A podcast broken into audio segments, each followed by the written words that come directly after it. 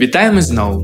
У другой частцы эпізода музей і супольнасці падкаста Ом Open музей мы працягваем гутарку з куратаркай даследчыцай Антанінай Сцябур і Алексеем барысёнкам, куратарам, крытыкам і даследчыкам. Далей гаворка пойдзе пра ролю музеяў у працэсах салідарызацыі і структурах супраціву.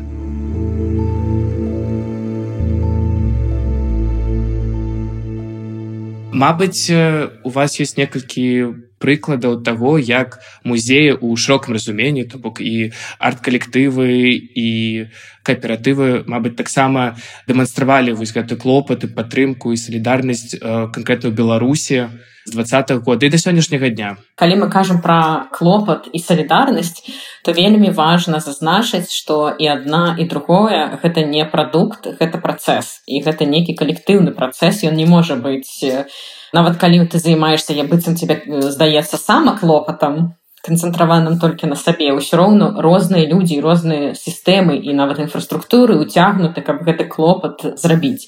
І мне падаецца што вось гэта калектыўнае вымярэнне яно вельмі важнае і тут напэўна мне бы хацелася узгадаць ананімны калектыў музей камянёў Таму што мне падаецца гэта таксама такая цікавая рэч як артыстычная супольнасць Мне падаецца гэта не толькі артыстычная супольнасць але артыстычная актывісцкая супольнасць. Гэта вельмі цікава бо насамрэч мне вельмі замінае гэта падзяленне на мастацкае не мастацкае тому что мне падаецца я думаю тут мы будзем усе салідарны што немагчыма гэту мяжу неяк акрэсліць што вось тут пачынаецца нейкая мастацкая практыка а тут пачынаецца нейкая іншая палітычна-актывісцкая практыка ці яшчэ якаясьці больш за то мне падаецца мастацтва не належыць толькі вузкай суполкі прафесійных мастакоў. І гэта таксама мне падаецца што падчас пратэстаў асабліва пратэстах у беларусі мне падаецца гэта было вельмі зразумела як людзі якія нават не мелі досведу часта прыйсці ў нейкі музей сучаснага мастацтва так крэатыўна карысталіся мовай. Мовы ў шырокам сэнсе я маю на увазе і І вось вяртаючыся да ананімнага калектыву музей камянёў мне падаецца таксама вельмі значна мы не ведаем хто уваходзіць у гэты калектыў але мы можемм сказаць што гэта практыка і сама назва музей камянёў яна адсылась нейкім мастацкім практыкам рэдакцыйны калектыў музей камянёў гэта эксперыментальны кааператыў які аб'яднаў 9 асоб мастаковы мастачык дзейчы ў дзеячых культуры сацыяльных работнікаў і работніц Ён быў сфарміраваны ў 2021 годзе і заснаваны на калектыўных разважаннях а пратэснай дзейнасці жылых кварталаў і альтэрнатыўнай інфраструктуры падтрымкі ў Беларусі. Назва музей камянёў запазычаны ў аднаменнага музея ў мінску, дзе сабраны камяні з усёй краіны. Стварэнне музея пад адкрытым небам было ініцыянавана ў 1985 годзе навукова-даследчым інстытутам геахіміі і геафізікі. Сімвалічна, што сёння ён апынуўся паміж паркам высокіх тэхналогій, буйнымі савецкімі жылымі масівамі і мінскай кальцавой дарогай, агаляючы руіны было інфраструктуры. Дзейнасць аднаменнага рэдакцыйнага калектыву працягвае практыкі самвыдату і самапублікацыі, якія з'явіліся падчас пратэсту ў Беларусі. Яна адлюстроўваецца ў выпусках газеты, якую можна атрымаць у тэлеграм-канале і пры жаданні раздрукаваць ды падзяліцца з іншымі. Такі сам выдат дапамагае падтрымаць альтэрнатыўныя структуры салідарнасці і распаўсюджваць істотную інфармацыю ва ўмовах, калі большасць незалежных смі ў Беларусі закрытыя і прызнаны экстрэмісткімі. Мне падаецца важным гэты момант зараз я падкрэслю гэта нейкі рэдактарскі калектыў які робіць выпуск сам выданняў музея камянёў гэта нейкі такі часопіс які быццам бы уключон у гэтую вялікую плыню сам выданняў якія пачаліся на пачатку пратэстаў. Зараз уже няма гэтай мапы але раней была дзе кожны кожная магла дыстрыбутаваць гэтыя часопісы. Я маю на увазе не музея камянёў а ўвогуле гэтых сам выданняў і зазначыць на мапе дзе яна ці ён іх пакінула каб розныя людзі нават тыя людзі хто не меў бы доступа да інтэрнэта ці не сочыць за гэтай павесткі маглі бы быць уцягнуты ў гэты працэс інфармацыйна вось мне падаецца вельмі важным што музей каменёў з аднаго боку выкарыстоўваюць гэтую тэму палітычнага ўвасаблення некага палітычнай мары і дае галасы тым бо насамрэч гэты сам выдання часта бывае вельмі кансерватыўна-ліберальнымі. І шмат якія галасы просто выключаны з іх. То бок это напрыклад галасы ЛГБТК плюс кам'юніці анархістаў. Шмат. Насамрэч калі мы падумаем то вельмі шмат хто выключаны з, э, з таго каб быць рэпрэзентаваны ў гэтых таких класічных сам выданняў беларускіх пратэстаў. І мне падаецца гэта таксама то як іншыя галасы могуць быць уключаны праз мастацкую дзейнасць. Гэта не адзіная мэта гэтага калектыва мне падаецца але вось мне чамусьці зараз менавіта на гэтай мэце хацелася бы сканцэнтравацца. Можа лёша або мы разам калі рабілі выставу ў літве мы таксама працавалі з гэтым калектывам і там таму можа алексей таксама захоча штосьці дадаць пра гэта. Я думаю што калі мы размаўляем пра кантэкст беларусі на жаль у аўтарытарнай дзяржаве вельмі складана казаць пра інстытуцыйныя эксперыменты На жаль, гэтая прастора і музей як таксама адна з такіх важных інстытуцый падпарадкоўваецца дзяржаўным палітыкам, цэнзуры, ідэалогіі і так далей. Таму мне здаецца, што вось ну, гісторыя сучаснага беларускага мастацтва заўсёды была больш звязаная з практыкамі крытыкі, якія ішлі па розных шляхах. І напэўна гістарычна э, можна казаць напрыклад пра праекты Артура клінова партызанскі буцік ці праекты марыны напружкіны офіс антипрапаганды якія э, рознымі чынамі з рознымі візуальнымі мовамі апрапрыёўвалі вось гэтыя дзяржаўныя уладныя дыспазітывы як бы дысплеі Артур клінаў беларускі мастак фатограф пісьменнік журналіст выдавец арткрытык заснавальнік і галоўны рэдактар медыапраекта партизан арганізатар удзельнік суполкі бло выставаў групы форма а таксама арганізатар культавага арт-хутара каптаруны іронія ностальгія з'яўляюцца мабыць галоўнымі маркерамі аб'ектаў інсталяцыі раманаў мастака.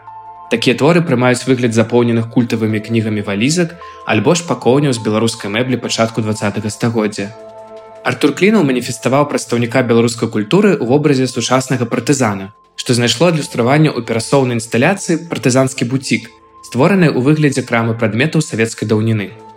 У фатаграфічным і літаратурным праекце мінск горад сонца клінаў перасэнсоўвае архітэктоніку беларускай сталіцы, якая паўстае ў выглядзе маштабнай інсталяцыі атракцыёна, дзе архітэктура ўвасабляе сабой дэкарацыю вялікай утопіі ці браму ў савецкі саюз. З масавымі культурнымі кодамі і архітэктурнымі дэкарацыямі мастак працуе ў серыях твораў з саломы, Артур клінаў вядомы і як кінадраматург, сцэнарыст і мастак-пастаноўшчык. Створаныя ім саламянай дэкарацыі можна ўбачыць у фільме масакра рэжысёра Андрэя Кудзіненкі. Клінаў як бы працаваў з гэтай гісторыяй партызаншчыны і таго, як эта гісторыя інструменталізуецца беларускай дзяржавай. Марына Напрушкіна працавала з гэтым эстэтычным вымярэннем беларускай дзяржаўнасці, праз апрапрыяцыю аб'ектаў звязаныя з гэтым цырыманіяльным і рытуальным аспектам. І дарэчы гэта вельмі цікава тому что у прынцыпе яе інсталяцыі з 2007 года і далей выглядаюць зараз просто амаль што адзін у адзін на музей беларускай дзяржаўнасці які знаходзіцца таксама у цэнтры мінска напрыклад. Але я думаю что і тут я згодзін з тоней таксама ёсць іншая лінія як бы такой мастацкай логікі якая таксама шмат працуе з апрапрыяцыі але таксама выходзячы з гэтай немагчымасці і як бы мець нейкія прасторы якія па-іншым працавалі нейкай інстытуцыйнай сферай таксама пачынаюць выдумляць розныя як бы свае і інстытуцыі. І ў прынцыпе гэта таксама логікі з якім працавалі на прушкіны клінаў але і гэта тое што цікава мне таксама як вось за гэтага недахопу як штосьці можна зрабіць як можна штосьці прыдумаць і тое каб таксама працавала і з гісторыяй але і з будучыняй. І ў гэтым сэнсе музей камянёў таксама з'яўляецца такім прыкладам. Але таксама мне здаецца беларускім мастацтве таксама даволі вялікая гісторыя такога больш як бы дыскурсіўнага аналізу чым музею у беларусі але таксама мадэрнісцкія музеі у больш шырокім плане. Што яны значылі і як яны звязаны з больш вялікімі палітычнымі катэгорыямі. Гэта бачна у мастацкіх працах і Сергея шабохіна і владимира грамовича і волі сасноўскай і Андрэя дурэйкі і так далей На жаль, у такой палітычнай сітуацыі больш маштабныя эксперыменты звязаныя непасрэдна з самім паняткам інстытуцыйнасці немагчымыя, але я ўпэўнены, што ёсць іншыя шляхі. Я бы таксама хацела вельмі хуценька і вельмі коротко дадаць, што асабліва калі мы кажам вось пра перыяд пасля 22 года і пра беларускі кантэкст, нават калі мы ведаем гэтай практыкі, які знаходзяцца ў Беларусі, мы не можам іх апісаць. І гэта таксама вельмі важка. І важна, што з аднаго боку, калі мы іх не прамаўляем, гэта не значыць, што мы што іх не існуе, але з іншага боку гэта таксама вельмі значна, каб думаць пра іх бяспеку. Але ўсё роўна вось гэтыя такія пазанаходнасці практыкі. Ўсё роўна застаюцца у беларусі. Там мне таксама падаецца што нічога больш невозможно разбурыць музей на нейкія працэсы але ўсё роўна нейкія мігцающыя інфраструктуры ці мігцающыя інстытуцыі напрыклад о таких фарматах можна казаць усё роўна існуюць яшчэ адным прыкладам такой практыкі для мяне з'яўляецца праца польскага мастака караля радзішаўскага які знакаміты сваімі даследаваннямі архіўнымі і мастацкімі даследаваннямі квіры гісторыі квірны інстытут і часопіс фэгазін які ён шмат гадоў робіць. І калі ён працаваў у мінску то над сваёй выставай ён пытаўся знайсці розныя матэрыялы звязаныя з гісторыяй квір гісторыі беларусі у 90 але таксама раней. І па самых розных прычынах ён не змог знайсці вельмі шмат інфармацыі што напрыклад магчыма ў іншых краінах таксама па розных прычынах і тады працуючы таксама з беларускімі мастакамі мастачкамі адна з працаў які ён стварыў на гэтай выставе была якраз такі рэфлексія на вось гэту немагчымасць знайсці розная гісторыя і тады ён так таксама апрапрываў вось гэты фармат фатаграфіі ігора саўчынка які у розных серыях працуе з гэтай такой напружанасцю паміж бачным і нябачным. Ігор саўчынка беларускі канцэптуаліст мастак і фатограф Фатаграфічную практыку ігара саўчынкі найчасцей разглядаюць у кантэксце феномена мінскай школы фатаграфіі. Яго творчасць унікальная для Беларусі. З пачатку 90-х і да нашага часу мастак паслядоўна правяраў, разбураў і відазмяняў фатаграфію, адракаўся ад фатаграфавання і зноў да яго вяртаўся. Канцэптуальную серыю нябачная можна прадставіць як праграмную для мастака, дзе найбольш бескампрамісна адбілася адмова ад фотавыяўлення на карысць наратыўнага подпісу. Таксама Саўчынка актыўна выкарыстоўвае знойдзеныя фотаздымкі архівы, перапрацоўваючы, кадрыруючы і трансфармуючы іх. І шмат гісторый, якія немагчыма пацвердзіць і навукова ці гістарычна былі як бы змешчаны ў гэты кантэкст, дзе вось гэтая гульня з бачнасцю нябачнасцю таксама адкрывае новыя магчымасці. калі нават вось праца праз чуткі, праца праз нейкую інфармацыю, якую немагчыма верыфікаваць, таксама становіцца часткай гісторыі. Вельмі слушная заўвага і я ўзгадаў таксама падчас сваёй працы на фестывалі дотык квір-фестывалі у нас таксама была калабарацыя з Unstraight Museum са Швецыі і якраз такі сутнасць наша праца была ў тым, што квір асобы з Беларусі маглі унесці ў калекцыю Unstraight Museuma свае ўласныя артефакты, то бок вось мастацкія не мастацкія побытавыя самыя адрозныя тым часам зафіксаваць сваю прысутнасць як квір-супольнасці прадстаўнікі прадстаўніцы яе у гісторыі якая не фіксуецца якая нябачная тут канешне таксама іншае пытанне што пасля вся гэта калекцыя бы паехала ў швецыю а не засталася ў беларусі але я б хацеў таксама у вас пытаць пра то як музеі могуць працаваць з самымі рознымі супольнасцямі вось антаніна ўжо раней падсвяціла неабходнасць выкарыстання менавіта множнага ліку у дачыненні гэтай тэмы.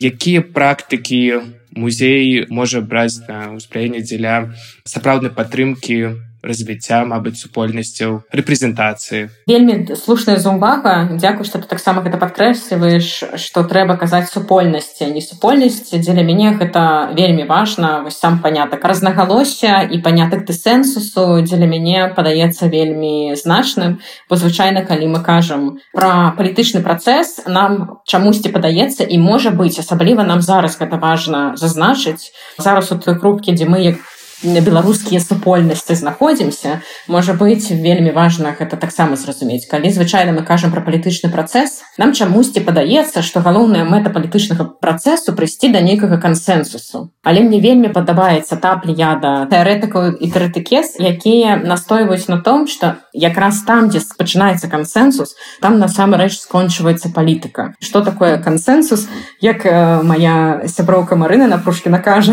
кансенсус падыходзіць для тех хто застаецца апошнім у комнаце.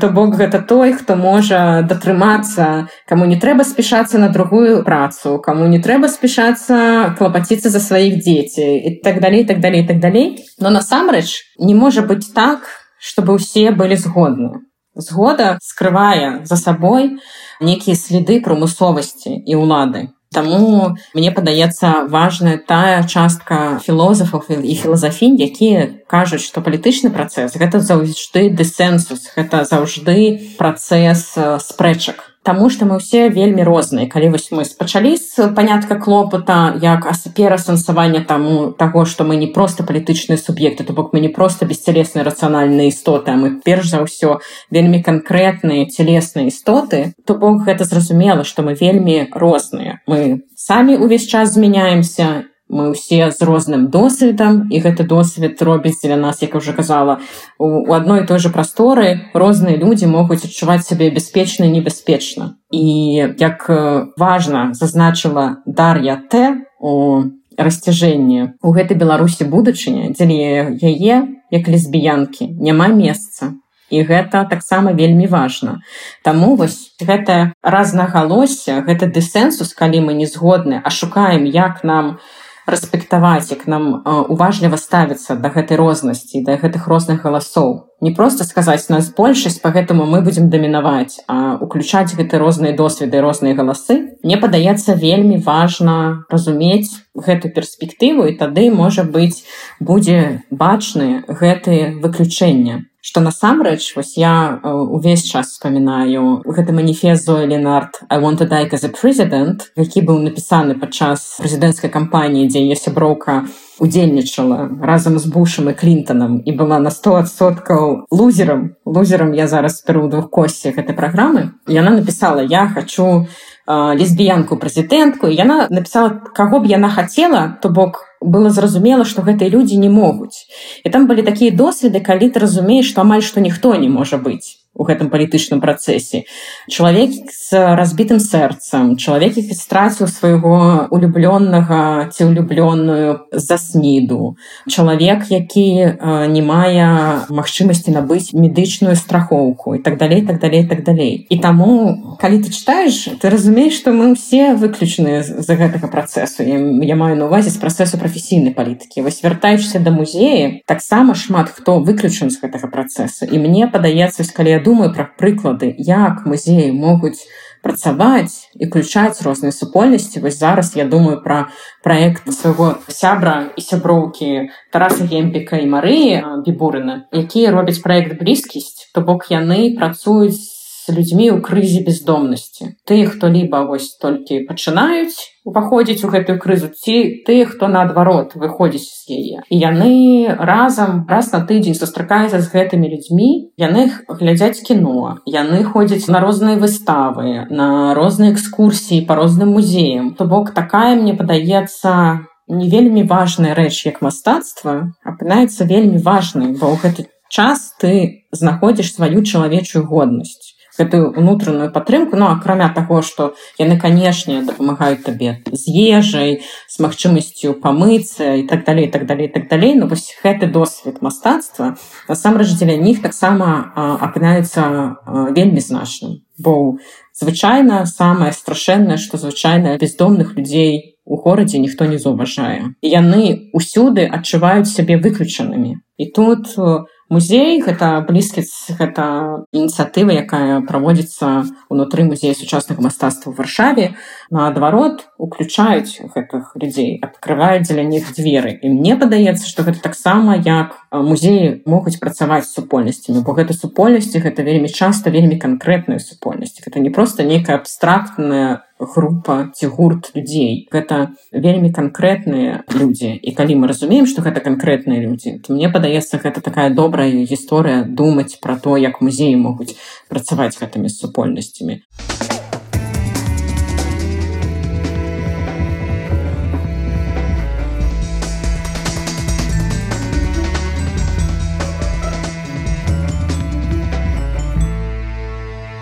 падчас працы над вашай сумеснай выставай у вільні ў сакавіку 23 -го года выстава тое што парушаная становіцца адчувальным інфраструктуры салідарнасць па-за межамі постсавецкіх умоў. Ці атрымалася намацаць нейкія новыя тактыкі супраціву і лініі салідарнасці бачныя напаўбачныя ў беларусі ці атрымалася пабачыць вось нейкія інсайты як сітуацыя змянілася з двадцатого года у які бок? Мне падаецца мы з алексеем так доўга рыхтаваліся да гэтай выставы і пакуль мы рыхтаваліся да гэтай выставы на жаль столькі раз замяняліся палітычныя кантэксты пратэсты ў беларусі крыза ўцікачоў на межы польска-беларускай літоўска-беларускай латвійска-беларускай пратэсты ў казахстане паўнамасштабнае ўторгненне рассіі ва ўкраіну і так далей так далей так далей што насамрэч мы хутчэй намагаліся проста неяк асэнсаваць гэтыя працэсы і нас больш цікавіла мне падаецца сама ідэя інфраструктур Таму што там ёсць не столькі салідарнасці хаця канешне салідарнасць таксама там была і можа вось Алексей больш пра гэта распавядзе колькі э, тэма інфраструктур і уже звязаная з гэтымі інфраструктурамі салідарнасці супраціў Таму што калі нам трэба разумець як нам салідарызавацца і выбудоўваць гэты супраціў нам трэба зразумець а дзе гэтыя кропкі ўлады арганізаваны і як гэтай залежнасці выбудоўваюцца і мне падаецца што там была вельмі шмат вельмі важных ідэй напрыклад ідэя інфраструктуры якая адначасова можа быць як вось Алексей уже казаў інфраструктурай як і клопат такая же сітуацыя можа быць рэпрэсіўнай мы ведаем. Напрыклад інфраструктура дыстрыбуцыі наўты экстрактывісцкія практыкі дыстрыбуцыі гэтай наўты можа быць вельмі такой рэпрэсіўна арганізаванай праз яе можа выбудоўвацца шмат якія палітычныя эканамічныя рэпрэсіўныя тактыкі. А з іншага боку вось такія інфраструктуры якія наадварот выбудоўваюцца як супраціў. Нам таксама было важна падкрэсліць як гэтыя розныя інфраструктуры накладваюцца адзін на одную ну напрыклад у у нас быў такі тэрмін руіны інфраструктуры вось нам падаецца што калі старыўся калапс савецкага саюзу то новыя кампаніі новыя сферы жыцця напрыклад айці яны просто прыйшлі на нейкае пустое поле. Але насамрэч гэта было не так.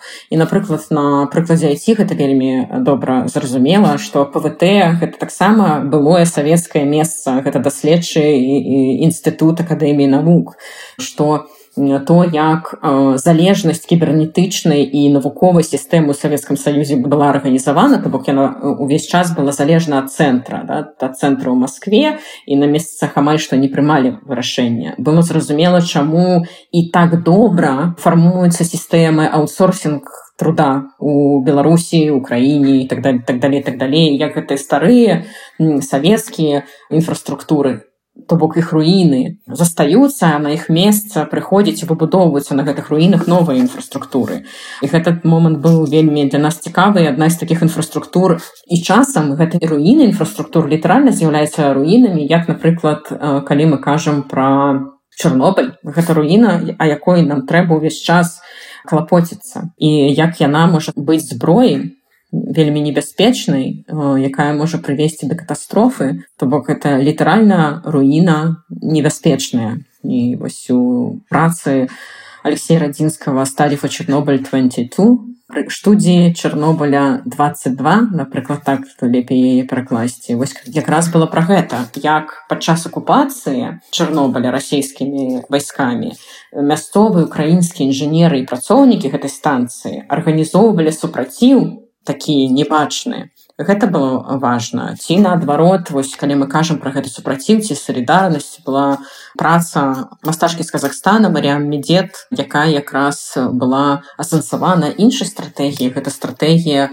відэаназіральнай сістэмы якая выключна такая face race recognition то бок тая відэаназіральная сістэма якая вельмі этнічна арганізавана якая распазнае твой твар па нейкім этнічным рысам якая скарыстована у Китаі супраць казахаў і уйгураў з іншага боку як іх мясцовыя я маю ну базе з Казахстана кіберпартызаны гэта вялікі архіў тых людзей які сталі палітвязнямі і былі адпраўлены ў гэтай рэдукейшнал табары пераахоўвання мы на дагэтуль на стосовку не ведаем што там. Яны просто хакнули ўсю гэтую сістэму і то бок зрабілі такую штуку. Мне падаецца нам з нашага беларускага пункту гледжання таксама вельмі гэта зразумела калі паказалі як гэта ўлада можа быць такой же празрыстай вось мы адчуваем сабе крохкімі як віка беран пісала ў сваім дзённікі life and fragile там вось мне падаецца што таксама але ўлада таксама выкарыстоўваюць калі мы выкарыстоўваем гэтыя сродкі барацьбы можа таксама быць такой жа празрыстай мне таксама падаецца гэта вельмі важным. Ну і тады іншыя кропкі можа ўзнікаць салідарнасці як гэта салідарнасць можа быць арганізавана як она можа быць арганізавана як тое што альміра усманова піша шеры дивайдат салідарыці вельмі складана перакласці гэту розніцу. Тую салідарнасць якую мы падзяляем паміж сабой і тая салідарнасць якая атамізуе і падзяляе нас. То же что мы зараз адчуваем можа ли гэта салідарнасць будавацца калі мы ўсе знаходзімся ў розных геаграфічных ну, пунктах. Як мы звязаны ці не звязаны. Это таксама вельмі важна ну і з нагоды гэтага я апошні мне падаецца два гады думаю над перасэнсаванню гэтага тэрміна interdependенcy узаемазалежнасці Таму што вельмі зразумела як мы ўсе залежым адзін ад аднаго і вось моя сяброўка Наташча часава разам з украінскім мастаком ларёнам лазавым яны рабілі карту на выставе ў Киеве карту дыстрыбуцыі зерня. Каб паказаць як праз зерня мы бачым як мы ўсе залежым адзін ад аднаго. Вярнёмся к паэту 16 стагоддзя Джону дону. Ніхто не востраў Да, гэта цудоўная метафора якую прям я адчуў на сабе зараз. Ну і ў цэлым як мы адчуваем плане дыяспор зноў жа супольнасці дыяспары архіпелаг вось вся гэта паэтака на з намі прысутная весь час. Але як зрабіць так каб гэтыя супольнасці не толькі малі магчымасць сабе ідэнтыфікаваць але выбудоўваць пераходы і масты паміж імі гэта таксама ці сувязь я ўвесь час атрымаю ў галаве гэтую ідэю сеткі і сетка мае вузлы. І гэтыя вузлы гэта месца дзе розныя працэсы перасекаюцца і вось як гэта выбудоўваць гэта мне падаецца самае не так цяжка ідэнтыфікавацца і закрыцца А вось ідэнтыфікавацца і пры гэтым заставацца адкрытым гэта вялікая праблема галоўнай праблемай і таксама я можа быть нават сказаў метадалогія гэтай выставы была спроба думаць пра салідарнасць не проста як нейкія асобныя жэсты падтрымкі палітычнага супраціву і так далей але глядзець на салідарнасць як на нейкую сетку як на розныя мадэлі якія могуць супрацьстаяць расійскаму экстрактывісцкаму імперыялізму. І ў гэтым сэнсе мы стараліся падабраць тыя працы, якія праблематызуюць саму геаграфію імперыялізму і таму выставе ўдзельнічала шмат мастакоў і мастачак з тых геаграфій, якія, на жаль, даволі рэдка прадстаўлены ў адных праектах. Гэта і Беларусь і літва, і Польшча і Грузія і Арменія і Казахстан і іншыя кантэксты, якія па-рознаму уключаны ў гэтую імперыялісцкую каланіяльную геаграфію, але насамрэч маюць вельмі шмат цікавых і вельмі важных сузалежнасцяў і таксама спосабаў супраціву. І ў гэтым сэнсе для мяне з'яўляецца важным гэты панятак салідарнасці, які не проста прадстаўлены такім перфаматыўным аспектам, але можа быць разгледжаны праз панятак інфраструктуры праз панятак нейкіх сетак і таго, як гэта салідарнасць можа адбывацца. Напрыклад, грузінская мастачка Тэкла Сланішвілі у адных з сваіх паследніх відэа апошніх відэа прац, якія называюцца дзяржава ў дзяржаве расказвае гісторыю лагістыкі і таксама розных практык супраціву у працоўнікаў чыгункі. І яе фільм якраз таки скончваецца на гісторыі беларускіх чыгуначнікаў якія маглі супрацьстаяць расійскай вайне праз сабатаж чыгункі ў беларусе і ў гэтым сэнсе вось гэтая лагістычная прастора якая праходзіць праз геаграфіі дзяржаваў якія мы знаем як бы таких фіксаваных э, сутнасцяў. Але і э, гэты супраціў таксама праходзіць праз гэтыя межы і з'яўляецца як і прафесійным так і сацыяльным і актывісцкім і можа па-іншаму паглядзець на вось гэтую каланіяльную геаграфію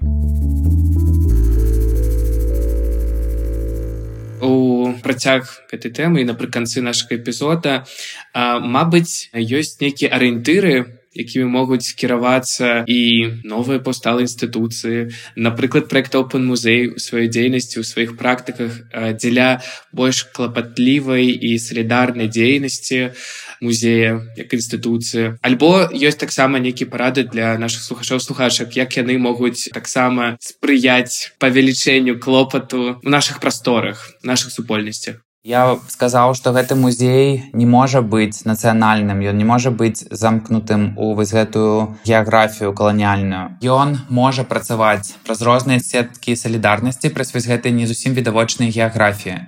Таму, напрыклад, мне здаецца, што ну, вось такі як бы так утапічны музей сучаснага беларускага мастацтва павінен уключаць працы мастаковы мастачак з Казахстана, з Украіны, з літвы, можа быць нават з вельмі далёкіх геаграфій з э, Мексікі ці Китая. Таму што якраз такі мастацтва такога кшталту крытычнага кшталту можа расказаць розныя гісторыі розных сузалежнасцяў, розных каланіялізмаў, розных вопытаў, звязаных з сацыялізмам і капіталізмам. У гэтым сэнсе мне здаецца, што такі сучасны музей сучаснага беларускага мастацтва павінен і можа быць прыдуманы не толькі рознымі НДА ці інстытуцыямі ці куратарамі, а дарэчы, самімі мастакамі і мастачкамі, а можа быць нават актывістамі і актывісткамі. Таму што яны маюць нашмат больш цікавых думак і цікавых падыходаў да таго, як іх практыкі могуць быць арганізаваны. Як можна працаваць у кантэкстах, дзе паняцце інстытуцыі з'яўляецца звязаным з дзяржавай і вельмі цяжка штосьці інстытуцаваць. І ў гэтым сэнсе гісторыя паказвае вельмі шмат розных прыкладаў таго, якім чынам, такога кшталту музея могуць існаваць. І тут гаворка можа ісці і пра розныя музеі музеі ў выгнанні і выставы салідарнасці напрыклад звязанымі з палістынай напрыклад звязанымі з чылі і з рознымі каланіяльнымі і фашысцкімі рухамі якія захоплівалі дзяржаву і за которых мастакі мастачкі павінны былі знайсці іншыя спосабы арганізацыі. Гэтыя мадэлі можна знайсці у такіх месцах як Чэхія, напрыклад, гэта ромскі музей у Брно, які збірае розныя матэрыяльныя і нематэрыяльныя каштоўнасці, звязаныя з ромскай культуры і робіць іх даступнымі як і для чэшскага насельніцтва, так і для саміх ромаў з вельмі цікавымі падыходамі, якія могуць быць і мастацкімі і актывісцкімі і праваахоўніцкімі і так далей. Такія прыклады можна знайсці у Румыніі, дзе мастакі мастачкі у такім праекце калектив collection вынаходзяць спосаб мець калекцыю, якая не будзе належыць нейкай структуры. А гэта калекцыя будзе распаўсюджана паміж самімі мастакамі, можа выстаўляцца праз саміх мастакоў у розных геаграфічных прасторах. І таму я чакаю моманту, калі, самі мастакі мастачкі ў беларусе праз розныя формы кааперацыі. І гэта на жаль то і чаго мне пакуль што зараз не вельмі хапае але я ўпэўнены што тыя імпульсы якія мы змаглі атрымаць у двадцатым году змогуць знайсці сваё месца. І мы зможам думаць пра тое як рабіць розныя выставы праекты музеі салідарнасці падтрымкі нягледзячы на абставіны нягледзячы на зараз існуючы аўтарытарызм які канешне не дазволіць гэта зрабіць унутры беларусі.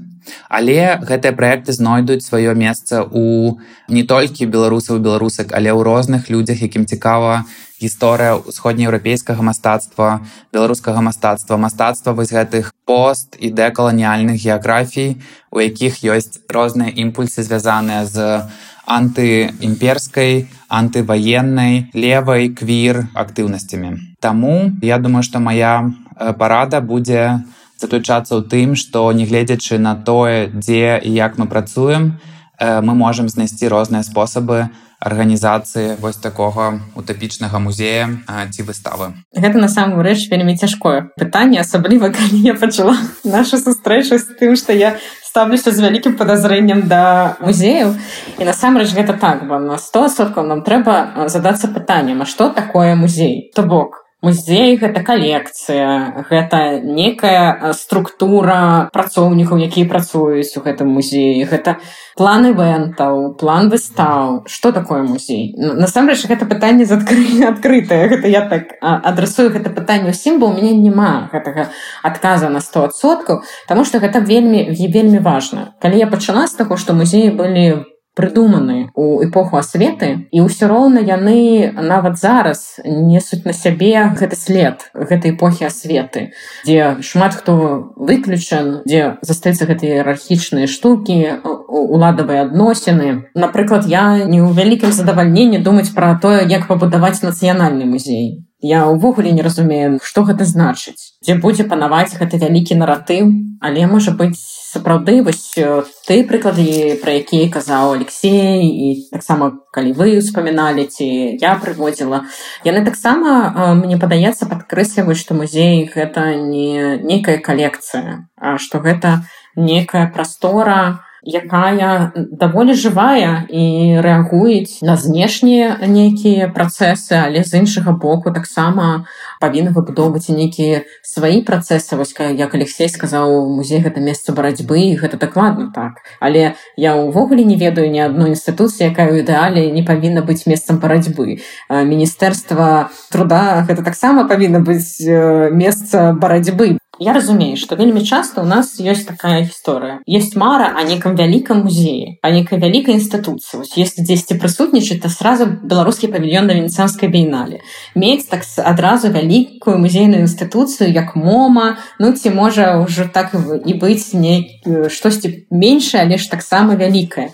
Але мы ўвесь час не думаем пра тое, а якім чынам гэтай калекцыі сфарміраваліся, якім чынам гэтай музеі сфарміраваліся і навошта нам гэта зараз нужно гэта ўсё арганізавалася там 17 па пачатак два стагоддзя. Гэта быў іншы кантэкст. І можа якраз тут як кудович нам казаў калі у нас нічога не было ну так можа гэта вельмі добры пачатак каб падумаць не о том каб выбудаваць вялікі наратыў а наадварот якраз думаць у таких катэгорыях музею як як захаваць гэту разнастайнасць як захаваць гэта шматгалоссі як падтрымліваць розныя супольнасці. Не ведаю можа перасэнсаваць музей. Разбурыць парыч нам уже прапанавалі калісьці у пачатку нулявых ну можа нам нужно перасэнсаваць музей.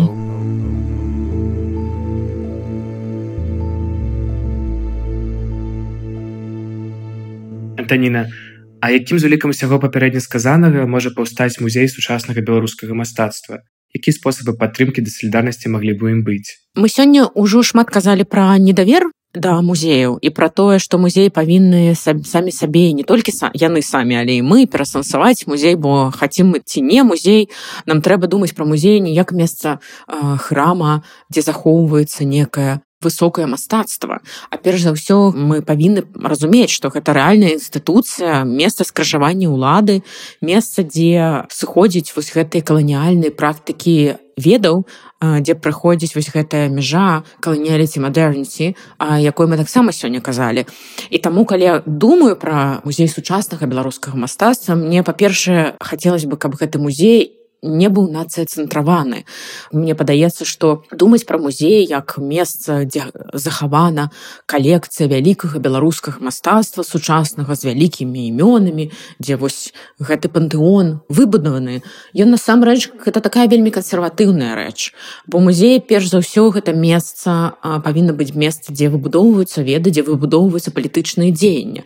Мы ўжо шмат казалі, што музей гэта месца супраціву, але і месца салідарнасці. І таму я думаю что думаць пра музей сучаснага беларускага мастацтва трэба не праз ідэю нацыі беларус беларусі як нацыі беларускай культуры а перш за ўсё праз ідэю таго становішча якім мы сёння апынуліся. Мы павінны прызнаць сабе вельмі крохкімі мы разбрасаны па свет па сусвету мы стражняем мы адчуваем кожны дзень гэту выключанасць і рэпрэсіі і калі я кажу рэпрэсіі гэта не нейкія апрэсіі метафізічнага ну, толка. А перш за ўсё гэта рэпрэсіі ад якіх стражняюць нашы целы. І гэта таксама вельмі важна разумець. І тады калі мы магчыма сыходзім і вызначаем гэта як кропку ад якой мы можам адштрухоўвацца мне падаецца што гэта добрая ідэя каб падумаць пра музей не як месца дзе захоўваецца калекцыя што відавочна важна але мне падаецца важна не калекцыя сама па сабе а важна што гэты музей уяўляе і мне падаецца што думаць пра музей як месца супраціву і салідарнасці вось што важна і гэта супрацівы салідарнасць павінны быць не нацыянальна цэнтрычны яны павінны быць месцамі дзе аб'ядноўваецца розныя галасы з розных краінаў то бок музей як месца дзе выбудоўваецца вось гэтая сетка салідарнасцей дзе ўключаюцца розныя галасы не толькі беларускія не толькі white man но таксама шмат каго. І наша добрая сяброўка куратарка дырэктарка галерэі у берліне лена прэнс яна добра сфармулявала гэты канцэпт перасэнсоўваючы гэта вельмі знакаміты лёзунг. Маргіналі ўсіх краін аб'ядноўвайцесь. І вось гэта аб'яднання тых хто адчувае апрэсію хто выключаны. Яны вельмі важныя. І магчыма музей сучаснага беларускага мастацтва павінна быць не месцам дзе ёсць калекцыя дзе праходзіць выставы што відавочна канешне так і, і будзе. Але перш за ўсё месцам дзе ствараюцца гэтай сувязі. Ствараюцца сувязі паміж розным вопытам Напрыклад, шмат агульнага можна ўбачыць і з палітычных, сацыяльных і мастацкіх практыкаў паміж мастакамі мастачкамі Беларусі і Ірана. Як мы думаць пра то, як мы выключаем розныя галасы ўнутры самой Беларусі, то бок як выключаюцца галасы небінарных персон, як выключаюцца галасы жанчын, як выключаюцца галасы мігрантаў, якія апынуліся на мяжы Беларусі і еўразвяза. І гэта вось я думаю что калі мы пачнем думаць музеі выбудоўваць музей з гэтага пункту думаць пра тое перш за ўсё хто мы як мы тут апынуліся ідзе яшчэ вакол нас такія же галасы з якімі мы можемм аб'ядноўвацца каб наши галасы станавіліся больш чутнымі каб мы маглі таксама абмяняцца гэтымі ведамі салідарнасці супраціва тады можа у музеі як інстытуцыі ёсць шанец на будучыню Дзякуй вялікі за грунтоўную натхняльную размову. Дзякуй за запрашэнне. Да пабачэння. Дзякуй вам, дарагі слухачы і слухачкі. Разам з гасцямі мы абмеркавалі, якім чынам музей здольны раскрываць свой патэнцыял у падтрымцы розных супольнасцяў, рабіць унёсак у развіццё інфраструктуры клопату і салідарнасці, а таксама часам станавіцца арганічнай часткай структур супраціву. Цяперашні час характарызуецца яшчэ надзвычайнай тэрытарыяльнай дынаміка руху супольнасцяў. Ці здольная здавалася б такі нерухомай маналітнай інстытуцыі як музеі паспяваць за міграцыйны і намадычны плыню навокал.